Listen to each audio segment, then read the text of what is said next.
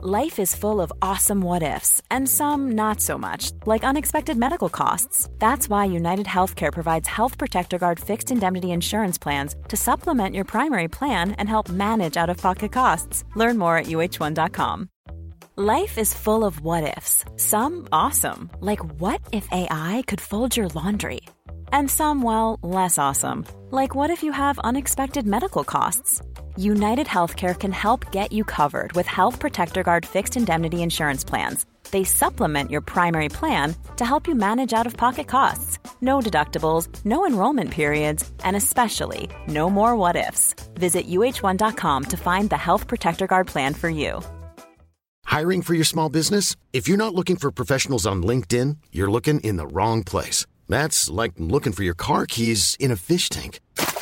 LinkedIn helps you hire professionals you can't find anywhere else, even those who aren't actively searching for a new job but might be open to the perfect role. In a given month, over 70% of LinkedIn users don't even visit other leading job sites. So start looking in the right place. With LinkedIn, you can hire professionals like a professional. Post your free job on linkedin.com slash people today. Vi är denna vecka sponsrade av Indie Beauty. Och Sofie, det här tycker jag är extra fint och extra roligt. Ja men Indie Beauty är ju ett skönhetsvarumärke som jag tror att väldigt många känner till, men det jag älskar mest det är att Indie Beauty liksom vill vara mer än bara produkter, vilket de ju också är. Exakt. Indie Beauty står ju för Independent Beauty, skönhet på dina villkor och för din egen skull. Och Indie Beauty tror ju stenhårt på ett alternativt skönhetsideal fritt från måsten, skam och känslor av otillräcklighet. Där är jag helt med Indie Beauty. Jag med. Det är så jag vill att skönhet ska vara. Ja men verkligen. Och vet du vad som är nytt för i år Sofie? Berätta. Från och med i år så skänker Indie Beauty 1% av sin försäljning till Suicide Zero, Tjejzonen och Djurens Rätt. Så när man handlar produkter från Indie Beauty så kan man liksom känna att man också ger tillbaka till samhället. Ja, kraften i tillsammans. Ska jag säga en sak nu då, mm. som jag, det, men det är detta jag är extra glad över.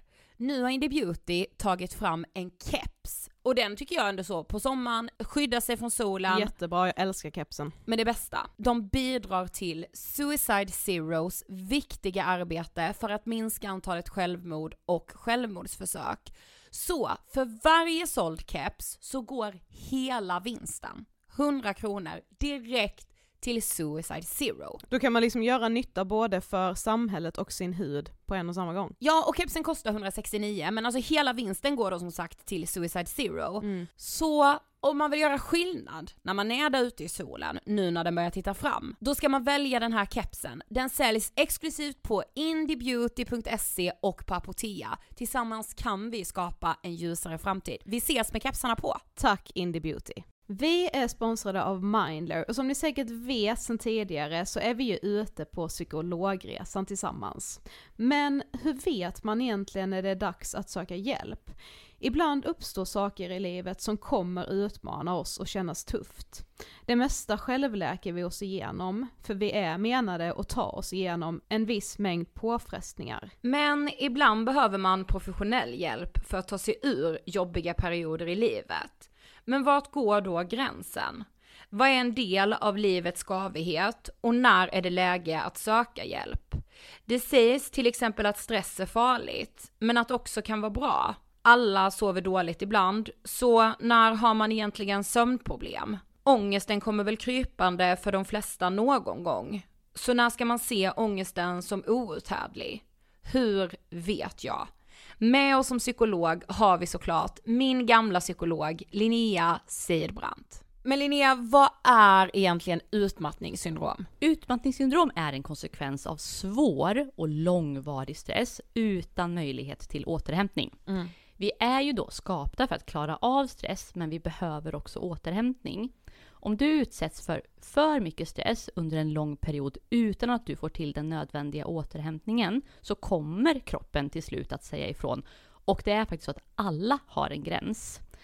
Du kan drabbas av en rad fysiska eller psykiska besvär som trötthet, sömnproblem, hjärtklappning, besvär från magen och tarmarna och mycket annat. Och det här är ju då varningssignaler och tecken på att du kan behöva göra någonting åt din situation.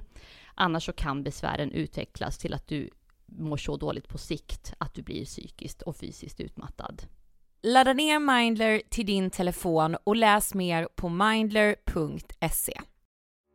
Hej och hjärtligt välkomna till andra säsongen av Återbesöket. För tre år sedan bjöd vi tillbaka sex gamla gäster från Ångestpodden som för att påminna dem, er och oss själva om att livet allt som oftast är en riktig berg och dalbana. Och nu har det alltså blivit dags igen. Vi har bläddrat långt bak i arkivet och bjudit in några av de gäster som vi vet har gått igenom saker sedan sist de gästade. Som vi förstår har känts usla där och då, men som vi tror kan inspirera andra och som vi vet påminner oss alla om livets toppar och dalar. Och den påminnelsen ska man inte underskatta. Genom sin intervjupodd har han kommit in på djupet på våra mest folkkära svenskar. Han är podcast-host för inte bara en, utan två poddar och dessutom författare till sin självbiografi Ingen. Den vi pratar om är Nemo Hedén och idag är han här på återbesök.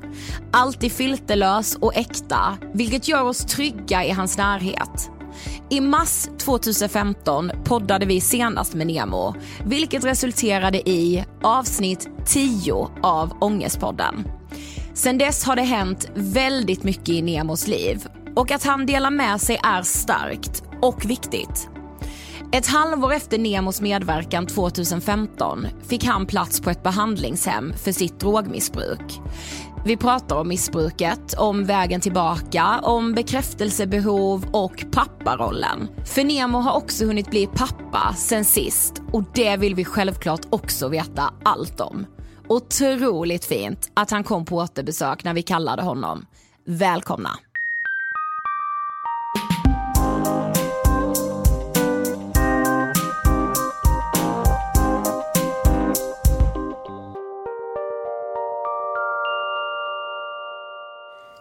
Nemo och varmt välkommen tillbaka till Ångestpodden och återbesöket! Woho! Hejsan mina favoriter! Ja men du, nu är du här. Jag tycker det är så kul.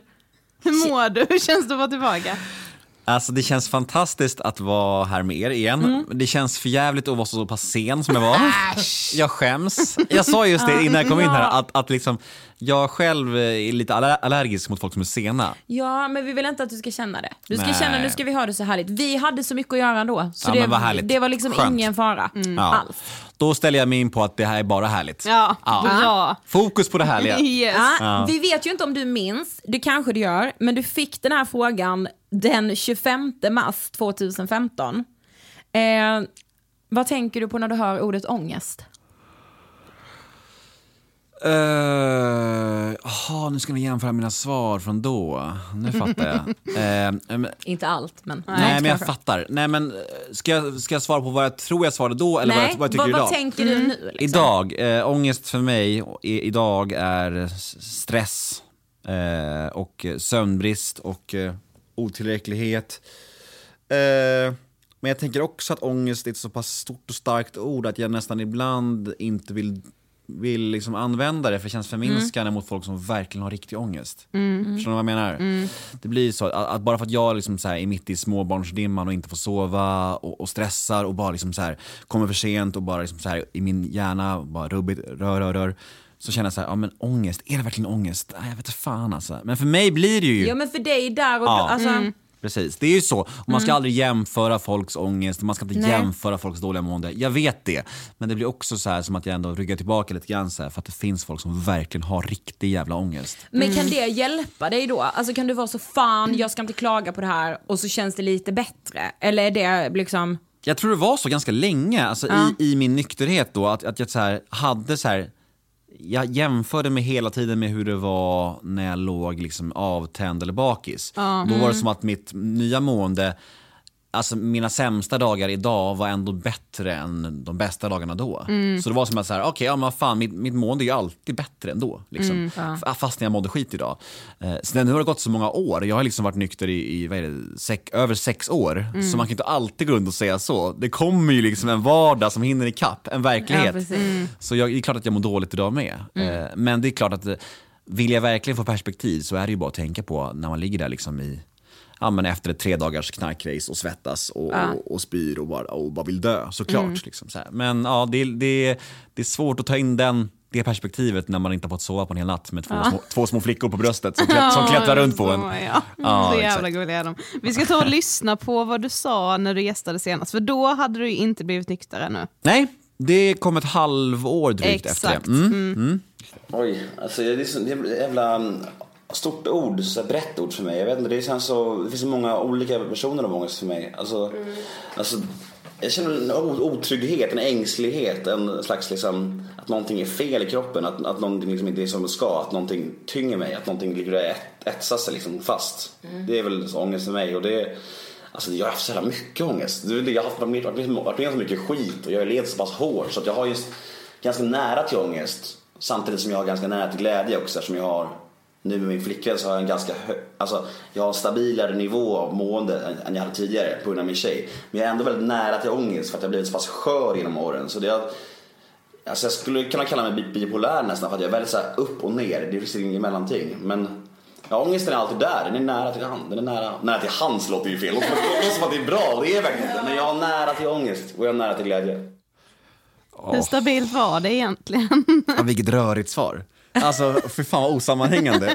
Grejen var ju att jag kommer ihåg när jag gästade er, det var ute på Gärdet va? Ja, Mm, I precis. vår lägenhet var det ju. Du var ju en av de första gästerna. Ja, det var Gäst nummer två tror jag det var. Ja, vad härligt. Ja, nej, men grejen var att det var ju, jag levde ju så satans hårt då. Och, det, och, jag, och jag, jag valde ju jag valde ju att prata om mitt drogmissbruk först när jag hade varit nykter ett tag. Eh, liksom, det var kanske, jag kommer ihåg att det var kanske fyra, fem månader in i min nykterhet. När jag, för då kände jag att då kan jag prata om det, för nu har jag bestämt mig för att vara nykter. Liksom, på, rikt- på riktigt. Jag ville inte liksom prata om det om det bara var så här, ja men jag är nykter en period. eh, Du vet, så här. Nej, och så blir det ännu mer skamfullt Exakt. att göra ett återfall. liksom. Exakt. Ja. Så, då, så därför, därför när jag satt hos er så ville jag egentligen bara säga jag är helt rökt. Ja. Jag är inne i tungt missbruk och knarkar för mycket och håller på att dö av de här drogerna. Liksom. Men jag kunde inte säga det för det, det, var liksom, det, det, det pratar man inte om. Nej. Det gör man på, på ett sånt sätt, det går inte.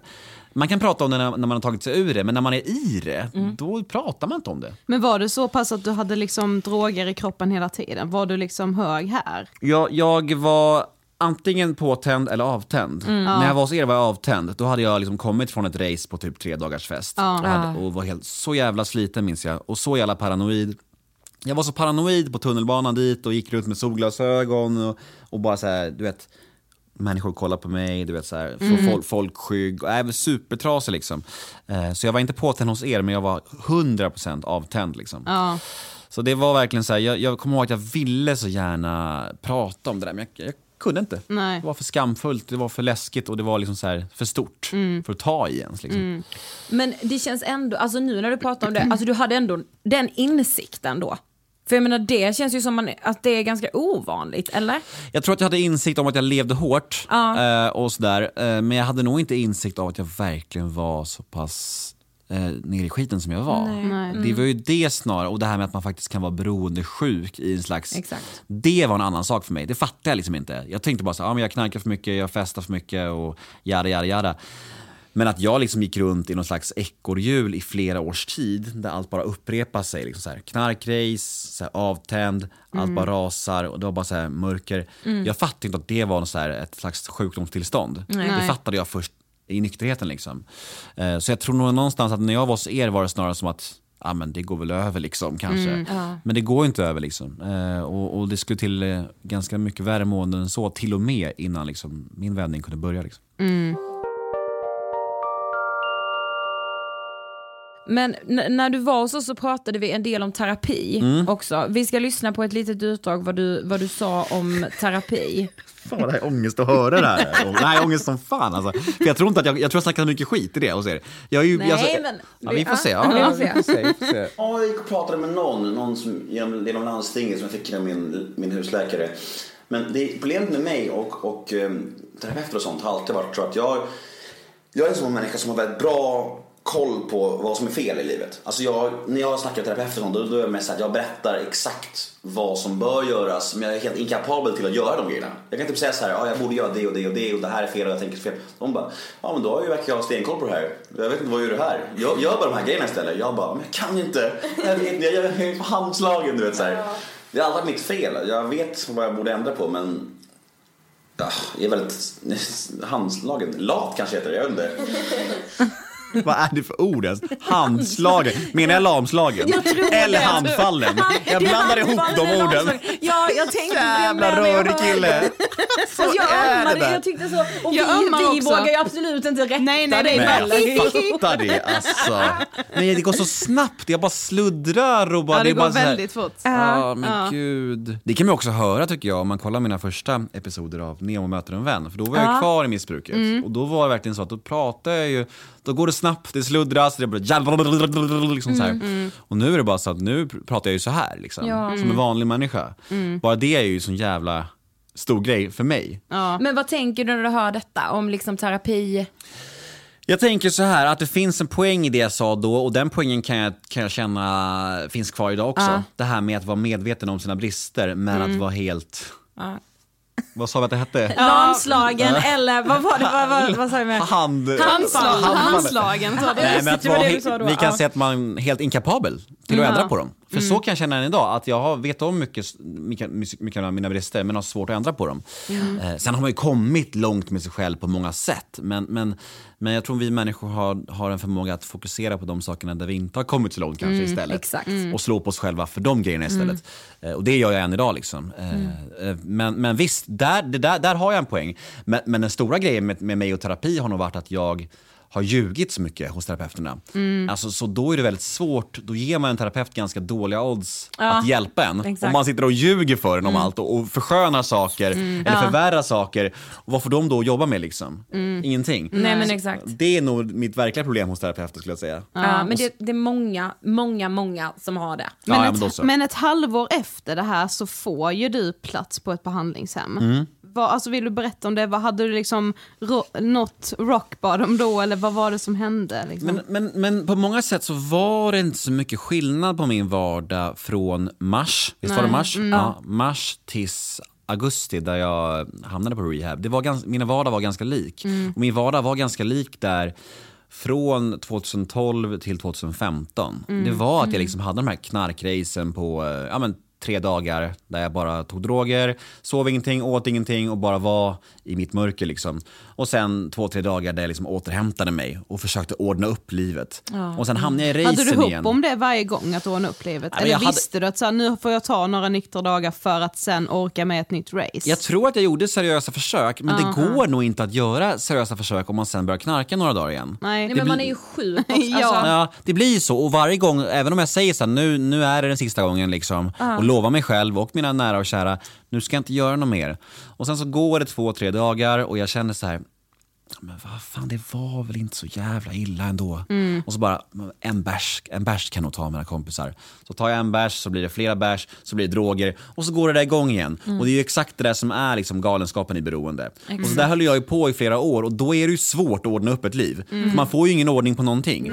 Eh, inte någon slags rutiner, ingen jobb, inga alltså, relationer, ingen mående, ingenting. Så det var ju liksom, så när det som var skillnaden var att i augusti här, under sommaren så hade jag börjat gå på eh, tolvstegsmöten.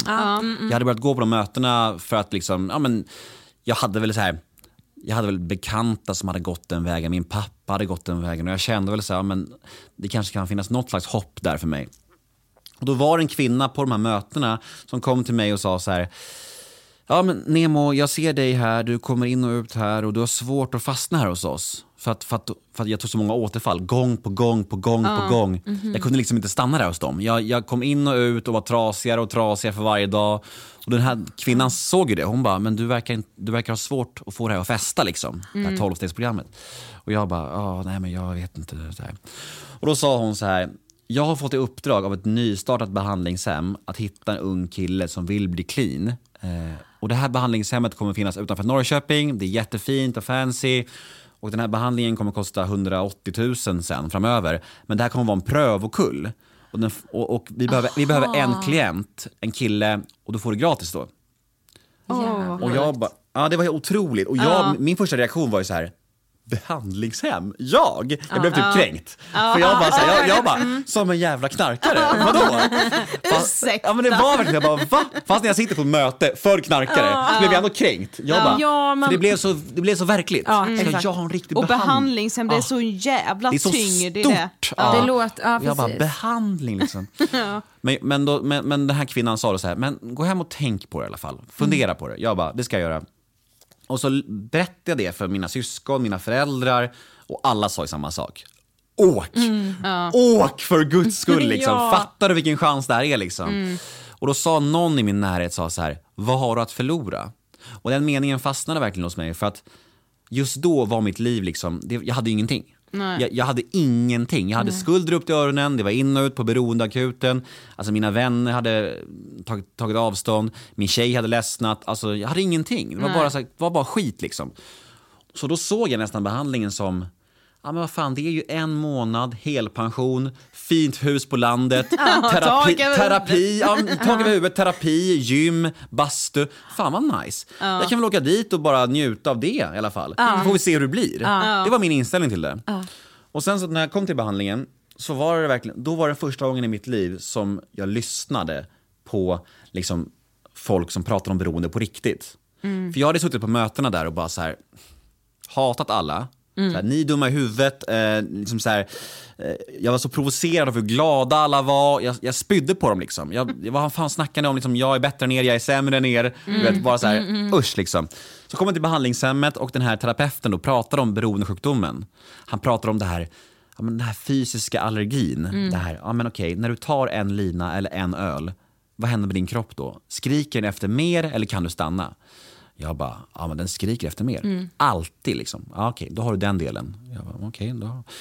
Och den här mentala besattheten då? Det här med att, tänker du på droger och alkohol nästan varje dag? Och är det så att du, när du har haft dina race och lovar dig själv att inte göra om det här, händer det då att du gör om det ändå? Att du lurar dig själv? Liksom så här. Jag bara, ja det är ju så det är. Jag gör ju det om och om igen liksom. Och de bara, okej ja. Och kan du känna att när du inte super och knarkar, kan du känna ett inre tomrum här inne? Som att du försöker fylla någonting? Jag bara, ja det är så jag har känt hela mitt liv liksom. Ja men då har du de tre delarna, då har du den här sjukdomen. Och när jag hörde det, jag bara Liksom. För jag hade aldrig fått den informationen. Jag hade, nog, jag hade nog fått den på mötena men jag hade inte varit mottaglig. Liksom. Nej, nej. Det är ju det. Och det är det som är grejen. Det är, när man är mottaglig, då kan det hända någonting. Exakt. Annars kan folk sitta hur länge som helst och bara banka in information i huvudet. Ja, ja. Och det kommer inte gå in liksom. Nej, nej, nej. För det finns ett sånt ögonblick just med den här historien som är så mycket gåshud. Och det är att när jag kommer tillbaka från liksom behandlingshemmet till mötena, efter en månad på behandling, så kommer jag in på mötena. Och där, och där, där är allt som vanligt. Folk, folk pratar som vanligt. Så, ja, men de pratar om den här sjukdomen och det här som jag pratade om nyss, sjukdomsbegreppet med allergin och allt det här. Och jag bara, gud vad kloka saker ni säger. Va, varför, har inte sagt, varför har ni inte sagt det här förut för? De bara, vi sa det innan du var på be- behandling också, men det är du som har förändrats. Du vet. Det var jag som hade gjort den här omvändningen i huvudet. Exakt. Jag hade gått från att liksom förakta dem, hata dem, till att vilja ha det de har. Men du var alltså på behandlingshemmet bara en månad? En månad. 27 För man tänker ju så här, ja, då var, då, att man behöver vara där så jävla länge. Exakt. Men så är det mycket. Men just det här behandlingshemmet är ju just skapat för, det här kanske låter, låter lite fja- fjantigt, men det är skapat för folk som har ganska ordnade yttre förutsättningar men trasiga insidor. Alltså mycket högt uppsatta i näringskedjan. Ja, jag liksom. förstår. Och det, och sådana människor kan oftast inte vara ifrån jobbet mer än en månad. Nej, exakt. Så behandlingsplanen är gjord för en månad. Liksom. Ah, fy fan vad smart. Ja. Men på den behandlingshemmet eh, har ju många liksom, artister och, och kändisar varit sen. Jag säger inte att jag är kändis, det är inte det jag menar. Men jag försöker bara förklara att behandlingshemmet skapades just för den här subgruppen. Och det är smart, för, det för många behandlingshem, det är ju liksom fängelset till behandlingshemmet. Exakt, Och där har exakt. vi liksom, ja men det är folk som har tatueringar i ansiktet, riktiga kåkfarare, hårdingar liksom. Är du då en människa som kanske har missbruksproblem men har ganska ordnat yttre, då kommer du ha svårt att relatera till det där. Och att då ha en behandlingshem där det är lite så här, ja men lite mer för mig. Ja. För det är bra, alla behandlingar är bra. För alla människor. Exakt. För bero, beroende är inte bara för de som har gaddar i ansiktet. Nej, nej, Det nej. finns så många som helst, det Jag finns tänker överallt. också att man ju sänker Alltså det- trösklarna ja, otroligt exakt. mycket genom Det- att och säga det- att det går ja, snabbt. Att så exakt. här, du behöver liksom inte nu ta tjänstledigt från ditt jobb i ett halvår Nej. för att bli nykter, utan så här, nu är det en månad som gäller. Mm.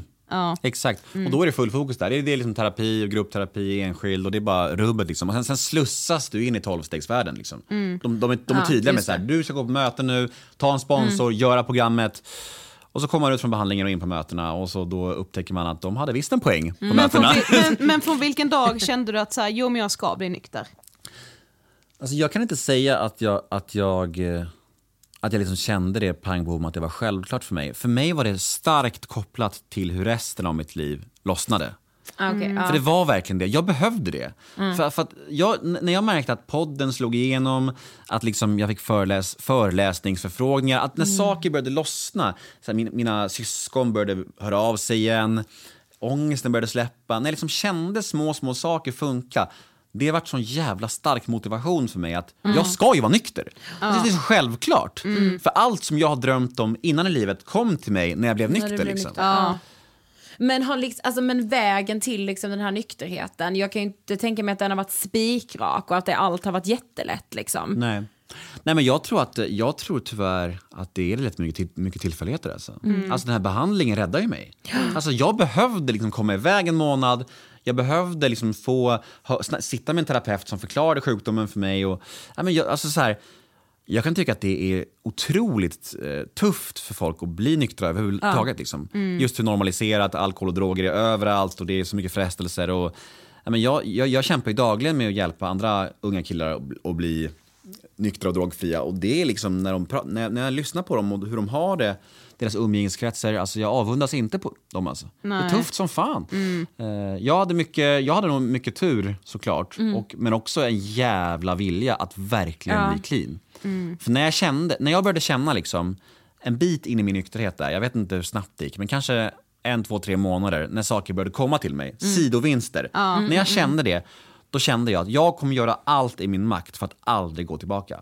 Då har man ju plötsligt någonting att förlora. Precis. Ja. Jag, jag, kommer, jag kommer gå på så mycket möten det krävs, jag kommer liksom göra tolvstegsprogrammet eh, punkt och pricka, för jag vill aldrig tillbaka. Nej, ja. Och, och det liksom har, har nä- har nästan eh, följt mig hela livet nu, de här åren, att jag behöver sätta min nykterhet först, för att om inte jag tar hand om den så kommer allt det andra rasa. Alltså, om inte jag är nykter och drogfri och sköter om mitt inre så kommer jag inte vara en bra pappa. Jag kommer inte kunna sköta poddarna. Jag kommer inte kunna eh, göra någonting bra. Nej. Så jag måste sätta det först. Allt jag sätter före min nykterhet kommer jag att förlora. Så är det bara. Och det låter ju hårt, men så är det ju. Ja, Men det låter starkt också tycker jag. Mm. Alltså man blir liksom, alltså jag blir så enormt imponerad när jag hör liksom all, alltså många historier kring just nykterhet och missbruk. Just för att man förstår, alltså om man inte har det själv så går det ändå att förstå på sättet du beskriver nu. Mm. För jag kan ju inte relatera till den känslan, men jag Alltså jag känner ju verkligen vilket jävla jobb du har gjort. Vilket Mm. är så jävla strångt att lyssna på. Alltså, Men jag skrev faktiskt ett inlägg om det på Instagram igår, om just den här kärleken till drogen man blir kär i. Att den blir så stark att det liksom slår ut allt annat. Att liksom så länge man uppnår det ruset, eller för mig var det så, och, och för oss som har den här sjukdomen, att så länge man får det ruset man vill ha så kommer inte någonting annat spela någon roll. nej. Alltså gråtande mammor, liksom sparken från jobb, you name it, domar, ingenting. Det spelar ingen roll. För att jag vill bara åt mitt rus. Vilken drog var det för dig? Det är intressant, för ni har haft en gäst i den här podden som hade det som huvuddrog. Ja. Ja, men var, han var, var han anonym? Anonym. Vi Men, men, en- men, men ni kallar honom något i podden? Liam kallade Liam, honom. ja, Ja. men precis, Liam. Det var samma som honom. Nej, är det Jo, sant? samma som honom. Men jag minns för du Planning for your next trip? Elevate your travel style with Quince. Quince has all the jet setting essentials you'll want for your next getaway, like European linen, premium luggage options, buttery soft Italian leather bags, and so much more. And it's all priced at 50 to 80% less than similar brands. Plus, Quince only works with factories that use safe and ethical manufacturing practices. Pack your bags with high-quality essentials you'll be wearing for vacations to come with Quince. Go to quince.com slash trip for free shipping and 365-day returns. Hiring for your small business? If you're not looking for professionals on LinkedIn, you're looking in the wrong place. That's like looking for your car keys in a fish tank. LinkedIn helps you hire professionals you can't find anywhere else, even those who aren't actively searching for a new job but might be open to the perfect role. In a given month, over 70% of LinkedIn users don't even visit other leading job sites. So start looking in the right place. With LinkedIn, you can hire professionals like a professional. Post your free job on linkedin.com/people slash people today. Hey Dave, Yeah, Randy. since we founded Bombus, we've always said our socks, underwear, and t-shirts are super soft. Any new ideas? Maybe sublimely soft. Or disgustingly cozy? Wait, what? I got it. Bombus. Absurdly comfortable essentials for yourself And for those facing homelessness. because one purchased equals one donated. Wow, did we just write an ad? Yes. Bombas. Big comfort for everyone. Go to bombas.com slash ACAST and use code ACAST for 20% off your first purchase. Delade något om det på Twitter. När Ja, vi, gjorde den. vi gjorde ju den som en liten dokumentär i två delar. Svinbra. Eh, ja, så minns jag när du delade den. Mm. Och ja, men det kan vara att vi skrev någonting om det då, du och jag. Det gjorde jag. Jag skrev till någon Ja. av er då och sa bara så att det var så jävla speciellt för att de är, drogerna sällsynta vill jag inte kalla det, men det var intressant att höra någon riktig inter- intervju, en dokumentär om någon som har kört samma grejer. Det är- Precis, Eftersom det är så internetdrog. Exakt. Ja, Alltså, precis. Ja, internetdroger, eh, 3MMC heter Exakt. det. Ja, just det. Just det. Eh, och eh, ja, det luriga med det var ju att det var ju lagligt så länge också. Exakt. Så man kunde ju hålla på med det och man kunde gå runt det på stan. Och man kunde, man, Så det är så sjukt. Fan vad ja, sjukt. ja, men, men, ni hörde ju hans historia, det är ju det är ju inga ofarliga grejer liksom. Nej, nej. Nej, och det- för mig var det också så, han liksom skrev till mig och bara så här, hej vi gick i samma klass liksom när vi var små. Mm. Och så bara fick jag hela hans historia och jag bara, vi måste göra något av det här. Och han bara, jag tror det finns många som kan relatera. Ja. Eh, och Jag? Just hur, ja, ja men exakt. och liksom hur hela det, alltså hela liksom världen kring internetdroger, Mm. att det är så, de är alltid steget före, det kommer alltid finnas saker som är Det är det lagligt som är så där. jävla Alltså det är så jävla obehagligt, jag får fan panik. Men så var det ju för mig med just 3MMC. Att jag, När det blev olagligt så la jag av med det. Och så var jag bara inne på Flashback och liksom hittade en ny laglig variant. De tar ju bara bort en, en de ändrar en molekyl och så ändrar de, ändrar de namnet och så blir ruset eh, 1% sämre eller bara lite annorlunda. Och så bara köper man det och så kan man köpa nästa och nästa och nästa och så där höll jag på. Alltså mitt sista år i missbruket så gick jag bara in på Flashback och det räckte med att jag fick liksom en kommentar av att, av att det fanns en viss likhet med 3MMC. Så beställde jag hem 5 gram och bara sl- slog i med det och bara så här och så kunde, det, så kunde min arm börja domna bort, mitt knä kunde börja vifta och jag bara oj vad händer nu? Jag vet inte. Fy fan. Ja. Satt jag liksom ensam, All- det var ja, det, misär Det är mörkt. alltså. Ja, det är det är det. mörkt. Ja. Men- Fast Li, Liam vill jag ha med i Beroendepodden ju. Ja, jag, kan, jag, jag lovar att jag kan höra av mig till honom. Han kan få vara med och vara anonym om han vill. Mm, det vore grymt. Kan vi sitta, sitta och snacka internetdroger? Ja, Ja, exakt. Ja, men för det känns ju verkligen som att det behöver pratas om. Absolut. ja. Vad fan, jag hörde nog, jag tror det var Petri Krim som hade gjort någon om så här, droger och allting. Alltså den ökningen som polisen har visat som det är på internetdroger som de ändå tar. Nej men det var en så sinnessjuk ökning på typ tre år att jag bara, mm, och de borde ju allt yngre då som Ja, beställer. ja visst. Usch. Ah. Men när du gästade oss senast så gled vi ju liksom ganska snabbt in på kungen av Tylösand. Och vi var så starstruck minns jag. Ja. För vi hade kollat så mycket på kungen. Hela ja. vår gymnasieskola levde liksom för kungen av Tylösand. Vi gick ettan på gymnasiet 2010 så du förstår. Ja, ja, ja, Ja, gud, men nu, liksom så här flera år senare, så har ju du riktat ganska stark kritik mot liksom, Mm. programmet och hela den produktionen. Liksom, vad, vad känner du kring det idag? Jag tror att i takt med att jag mådde bättre och bättre och eh, skrev min bok som kom precis. 2018 så fick det lite så att då, då gjorde man ju ett, ett, ett tyngre researchjobb med sin historia. Man, man började också fråga andra människor runt omkring liksom, om vad, vad, eh, hur det gick till och så här. Och då kom det mycket upp till ytan liksom och eh, om, om saker som jag inte tyckte var okej. Som jag verkligen ville lyfta. För att jag, jag tycker hela den här dokusåpa kulturen är vansinne liksom. Eh, det, det får man lugnt det, säga. Ja, de kastar de trasigaste och formar dem hur de vill och kan göra med dem vad de vill. Eh, där jag och Jocke verkligen, verkligen gick i bräschen för det. Att vi kunde, de, de kunde ju säga till oss vad de ville och vi gjorde det. För vi var ju så himla impade av hela grejen med i TV. Så vi ville ju verkligen bara göra dem eh, nöjda över oss. Eh, jag jag, jag ehm, tycker att hela grejen med det här med att, att det borde vara bättre koll på vilka som kommer med för det första. För att jag fick ju höra att, att de här testerna som gjordes, psyk- psykologtesterna, de var liksom inte ens, det, det, vi hade blivit rödflaggade, både jag Jocke. Liksom. Ja, precis. Det är så jävla knäppt. Ja.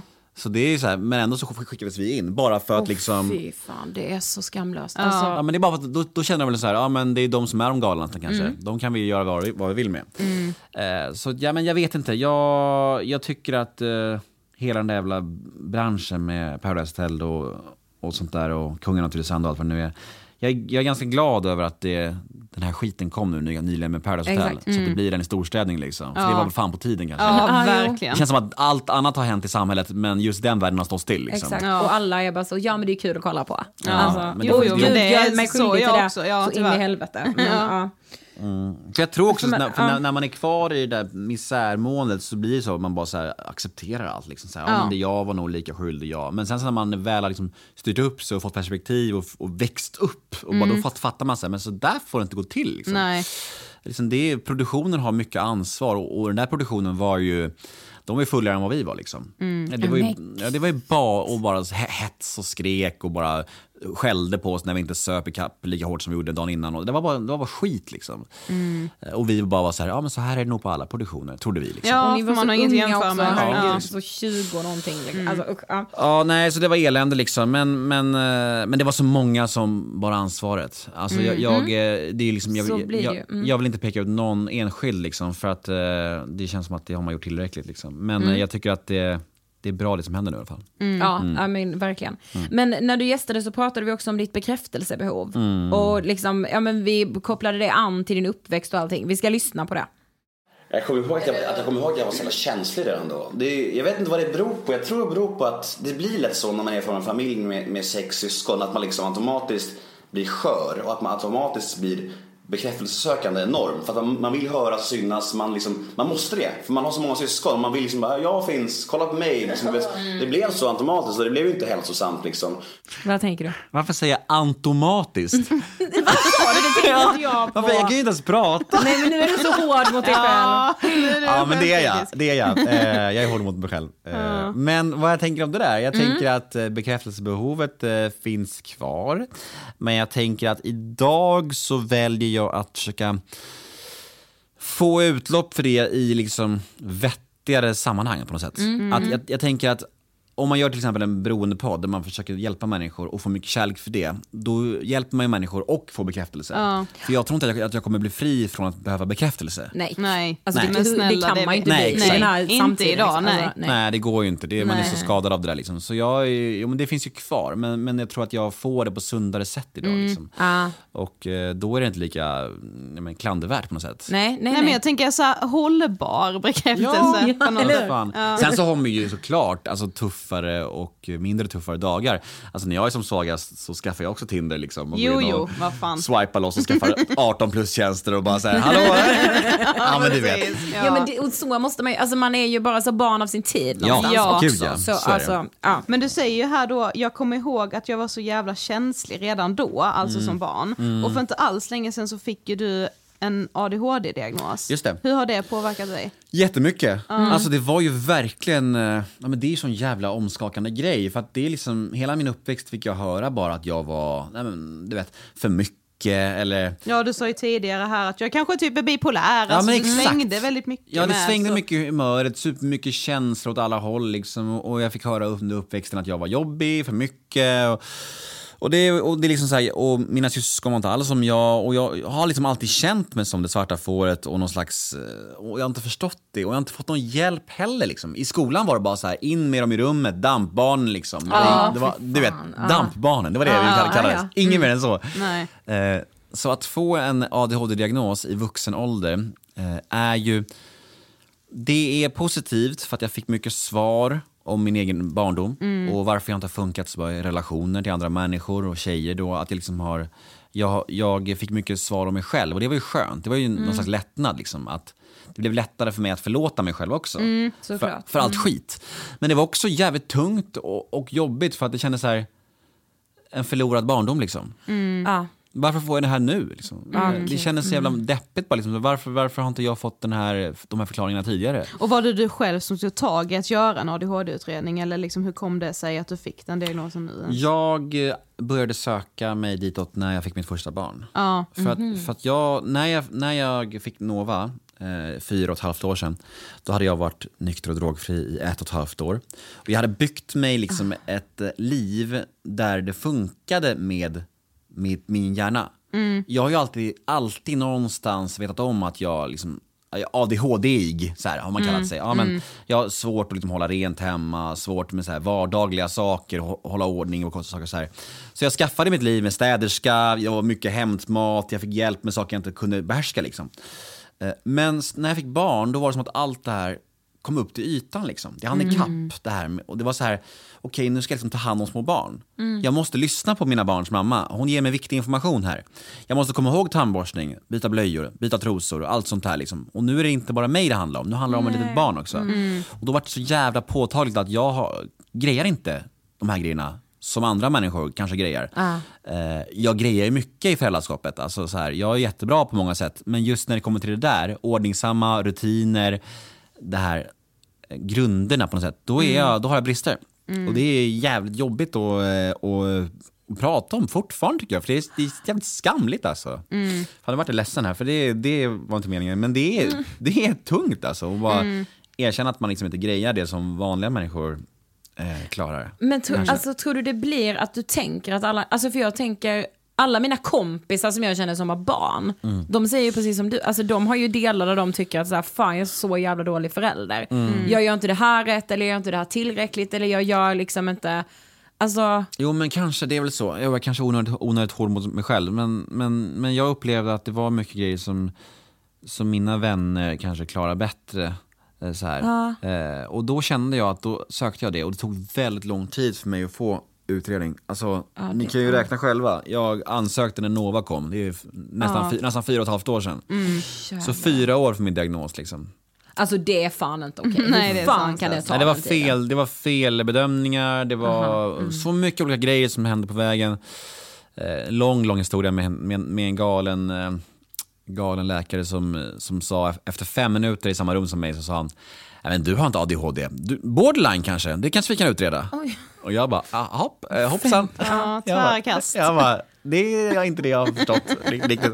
Eh, men eh, sen landade vi till slut i det, att det var det. Och ganska grov sådan dessutom, fick jag höra.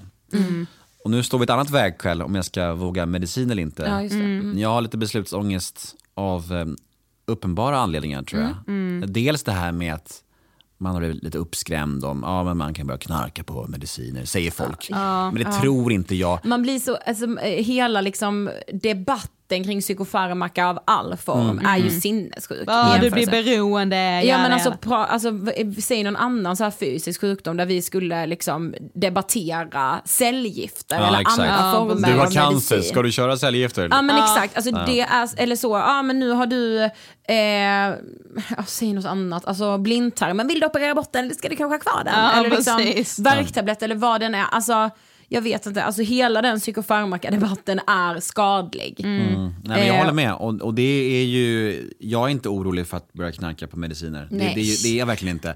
Även trots min bakgrund. Liksom. Det jag kan känna oro inför är liksom det här med att tappa bort sin person lite grann. Att, liksom att, att det som jag tycker om med mig själv, jag vill inte förlora det. Nej. Liksom. Nej. Det är det jag kan känna är lite läskigt. Och om jag då får hjälp med mina brister och svårigheter, är det då värt att få hjälp med det om jag, om jag förlorar det som är fint och bra med det? Exakt. Mm. Mm. Det är Det bristerna så pass stora att det Exakt, blir värt det. Liksom. då får man göra liksom avvä- avvägning. Ja men exakt. Ja, Där var jag nära att säga fel igen.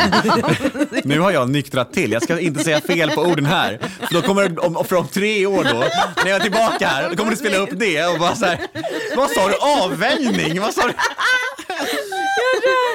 Men, ju sagt det, men du har ju liksom blivit tvåbarnspappa sen du var här. Alltså det är ju helt otroligt. Hur har det, hur allt det påverkat dig att bli pappa? Ja men ja, vad ska man säga? Alltså, jag, fan, det är en stor fråga. Men eh, det som det har gjort med mig är väl att det har gjort mycket att jag liksom ständigt får komma ur mig själv och min, själv, och min självcentrering och mitt ego. För att liksom, jag har ett stort ego, det har jag alltid haft. Och det blir ännu större när man har liksom ett jobb där man får mycket bekräftelse och så.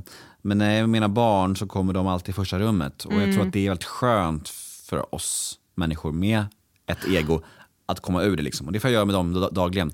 Sen så är det ju, att ha barn är liksom Det är ju såklart helt fantastiskt. Det är det, det är det absolut bästa som finns, men det är också det absolut värsta som finns. Det, det, det är så jävla krävande och man får konstant ha dåligt samvete och känna sig otillräcklig och, och sömnbrist och liksom...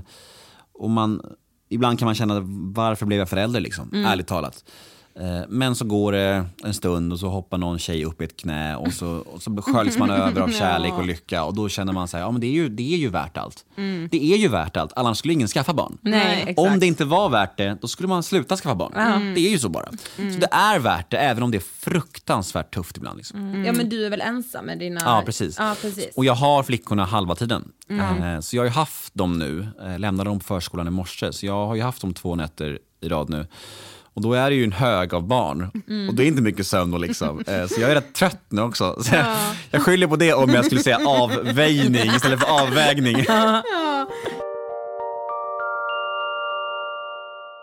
Eh, vi har fyra ord som vi ger alla våra gäster som kommer tillbaka till återbesöket, som vi bara kommer kasta över dig nu. Och så, så får du säga liksom första känslan kring det, du får gärna liksom sväva ut om du känner för det, men vad du har för relation till de här orden. Ganska likt mitt gamla Ja, segment. det är Ett det ord vi har om. tänkt. Ja, men Precis. fan, det, är, det är som en hommage till det kan man säga. Ja, precis. Härligt, kör. Ja, vi har då Nemo-hommagen. Vad sa du? Nemo-hommagen. Åh gud vad härligt. Ja. Eh, Första ordet, stress. Usch. Jag blir så påverkad av det. Och det är faktiskt, nu ska man inte börja bara tjata om ADHD, men just ADHD-människor som har det är extra känsliga för det. Jag vill gärna ha mycket att göra, men när det kommer till en viss nivå, då slår det bara ut allt. Jag blir helt lam. Alltså, jag kan inte göra någonting och jag blir bara arg och stingslig och är helt, jag är som en, jag bara, som en dator som bara shutting down. Liksom. Ja. Så jag måste liksom ha koll på det där hela tiden. För jag, jag blir otroligt sårad, sårbar när jag är stressad. Eh, vilket man också blir liksom hela tiden eh, i livet överlag. Utan småbarn blir man ju det. Ja, ja. Så, Jo tack. så med småbarn så är det bara en dos till. Så det, ja, stress är något som jag får vara på min vakt inför konstant. Ja. Ja. Okej, nummer två. Kroppsuppfattning. Uff. Oj, ja. Ah, jag gillar inte min kropp alltså. Nej, det, det kändes... Nej, nej, jag har svårt för den. Alltså. Jag har väldiga issues med min vikt och min kropp. Alltså. Jag väger mig jag väger mig varje gång jag är på toa. Nej! Nej. Jo. Det här, det, här, det här är en ganska stor diskussion kan man ju säga. Men så håller jag på. Eh, Jag skaffade en våg för ett och ett halvt år sedan och då vägde jag mig jättemycket.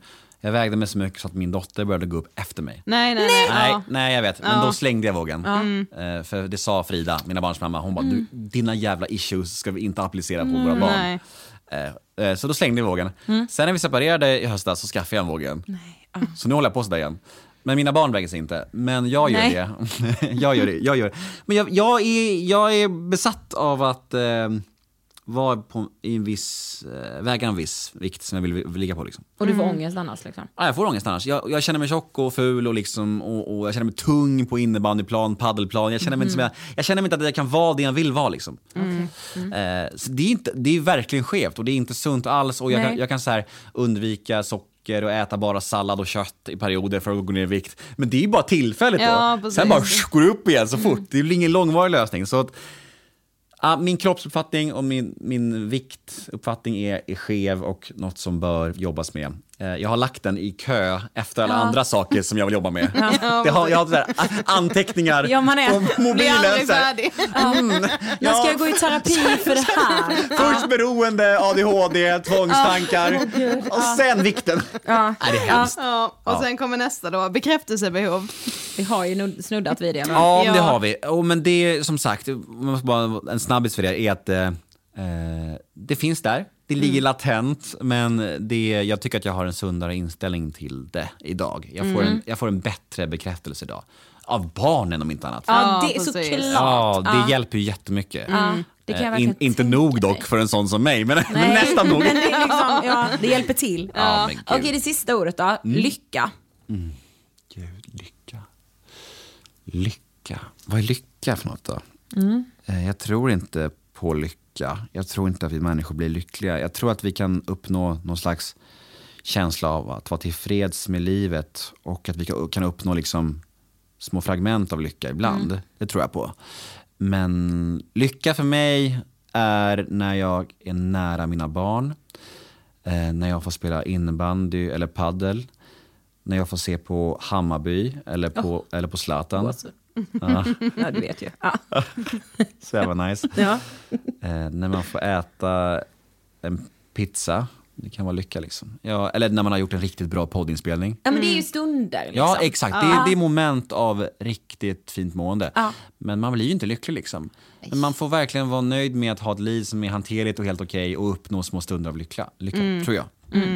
Två plus är det ju livet generellt. Ja, men det liksom. är ju det, vad Alltså fan, man ja. måste ju bara landa. Alltså, ja. Vi ska lyssna på en sista sak.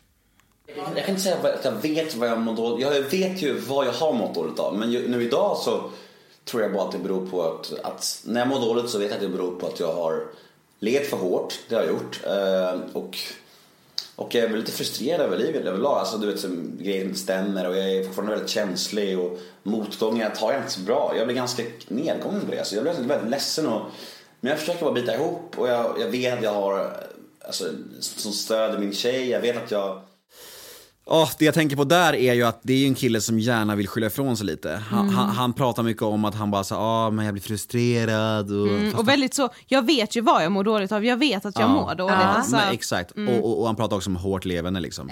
Så det han säger mellan raderna är att jag knarkar för mycket och att jag kanske borde bli clean så kommer saker säkert ordna sig. Ja. Men han vill ju inte riktigt det än. nej. Nej, men det är jävla nära där. Ja, det är det. Det det är, är några månader. Det, fin- det finns frö, frön liksom. Exakt. Ja, ja. Och det är ju för att livet är piss. Och, alltså, så här. eh, men absolut, det, det är lite gåshud att höra det där eftersom att det är bara liksom, ja, men, Så nära sen. ja, fem månader innan behandlingshemmet.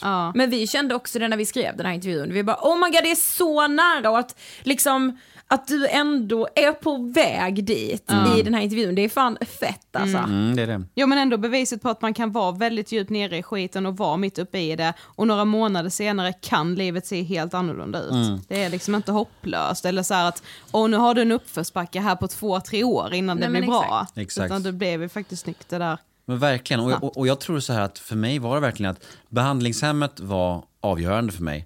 Men sen också det här att man fick så mycket, man fick så mycket synliga bevis på att en sån förändring kan ge en så mycket. Liksom. Och det var verkligen avgörande för mig. Att då var det verkligen så...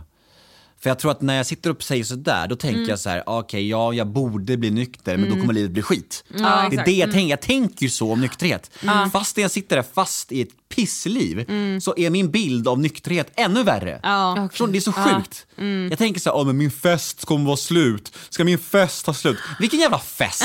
jag sitter och knarkar själb på internetdroger och får psykoser och är halvt döende. Men ändå tänker Vad jag, festligt. Ja, men ändå tänker jag så här, om jag, min fest får inte ta slut Nej, liksom. ja. Det är så jävla kontraproduktivt och paradoxalt och skevt liksom. Alltså du vet, man är så, man är så verklighetsfrånvänd. Exakt. Ja. Ja, Fan vad intressant det är dock. Alltså, verkligen. Ja, Okej, en sista fråga som alla våra gäster i återbesöket får också. Det känns som att du kanske har gjort den största resan här. när jag nu liksom Ja, hör det här. vad ja. är din största känslomässiga utveckling sen du gästade senast? Ja men det är väl fan det. Att, att Ja. liksom, ja men att, att liksom, att känslomässiga utvecklingen. Men det är väl nykter, det här tänket kring nykterhet. Just det här att jag levde i tron om att det var, skulle jag någon gång bli nykter så skulle det vara slutet på mitt liv. Men när jag blev nykter så blev det början på mitt liv. Ja, Det är ju det. det var början på allt. Det är så jävla sjukt. Ja, För det- det var verkligen så Ja. jag tänkte. Nu det, det kommer ta slut då. Jag kanske måste bli nykter men då är det slut. Liksom. Ja. Men då började liksom livet. För så var det verkligen för mig. Då började allt. Då kom liksom alla, alla, allt som jag ville ha. Så jävla fint. Nej men gud, alltså Tack för att Nemo- du ville göra ett ja. återbesök. Ja men tack Vi tjejer. kallar dig på återbesök igen Ja. om Ja, kanske gärna. tre år. Får vi Ja, se vad du har sagt för konstigt här. Ja, tack, tack. Tack. Tack, hejdå. Podplay.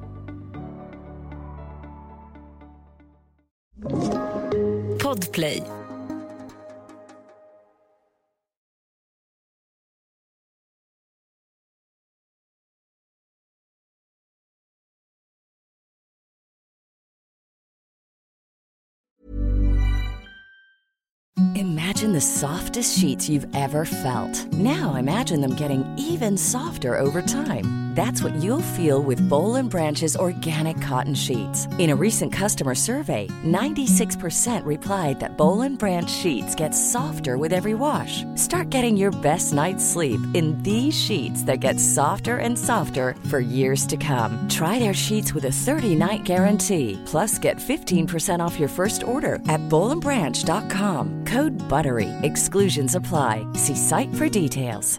Mom deserves the best, and there's no better place to shop for Mother's Day than Whole Foods Market. They're your destination for unbeatable savings, from premium gifts to show-stopping flowers and irresistible desserts. Start by saving 33% with Prime on all body care and candles. Then get a 15-stem bunch of tulips for just $9.99 each with Prime. Round out Mom's menu with festive rosé, irresistible berry chantilly cake, and more special treats. Come celebrate Mother's Day at Whole Foods Market. Planning for your next trip? Elevate your travel style with Quince. Quince has all the jet setting essentials you'll want for your next getaway, like European linen, premium luggage options, buttery soft Italian leather bags, and so much more. And is all priced at 50 to 80% less than similar brands. Plus, Quince only works with factories that use safe and ethical manufacturing practices. Pack your bags with high-quality essentials you'll be wearing for vacations to come with Quince. Go to quince.com slash pack for free shipping and 365-day returns.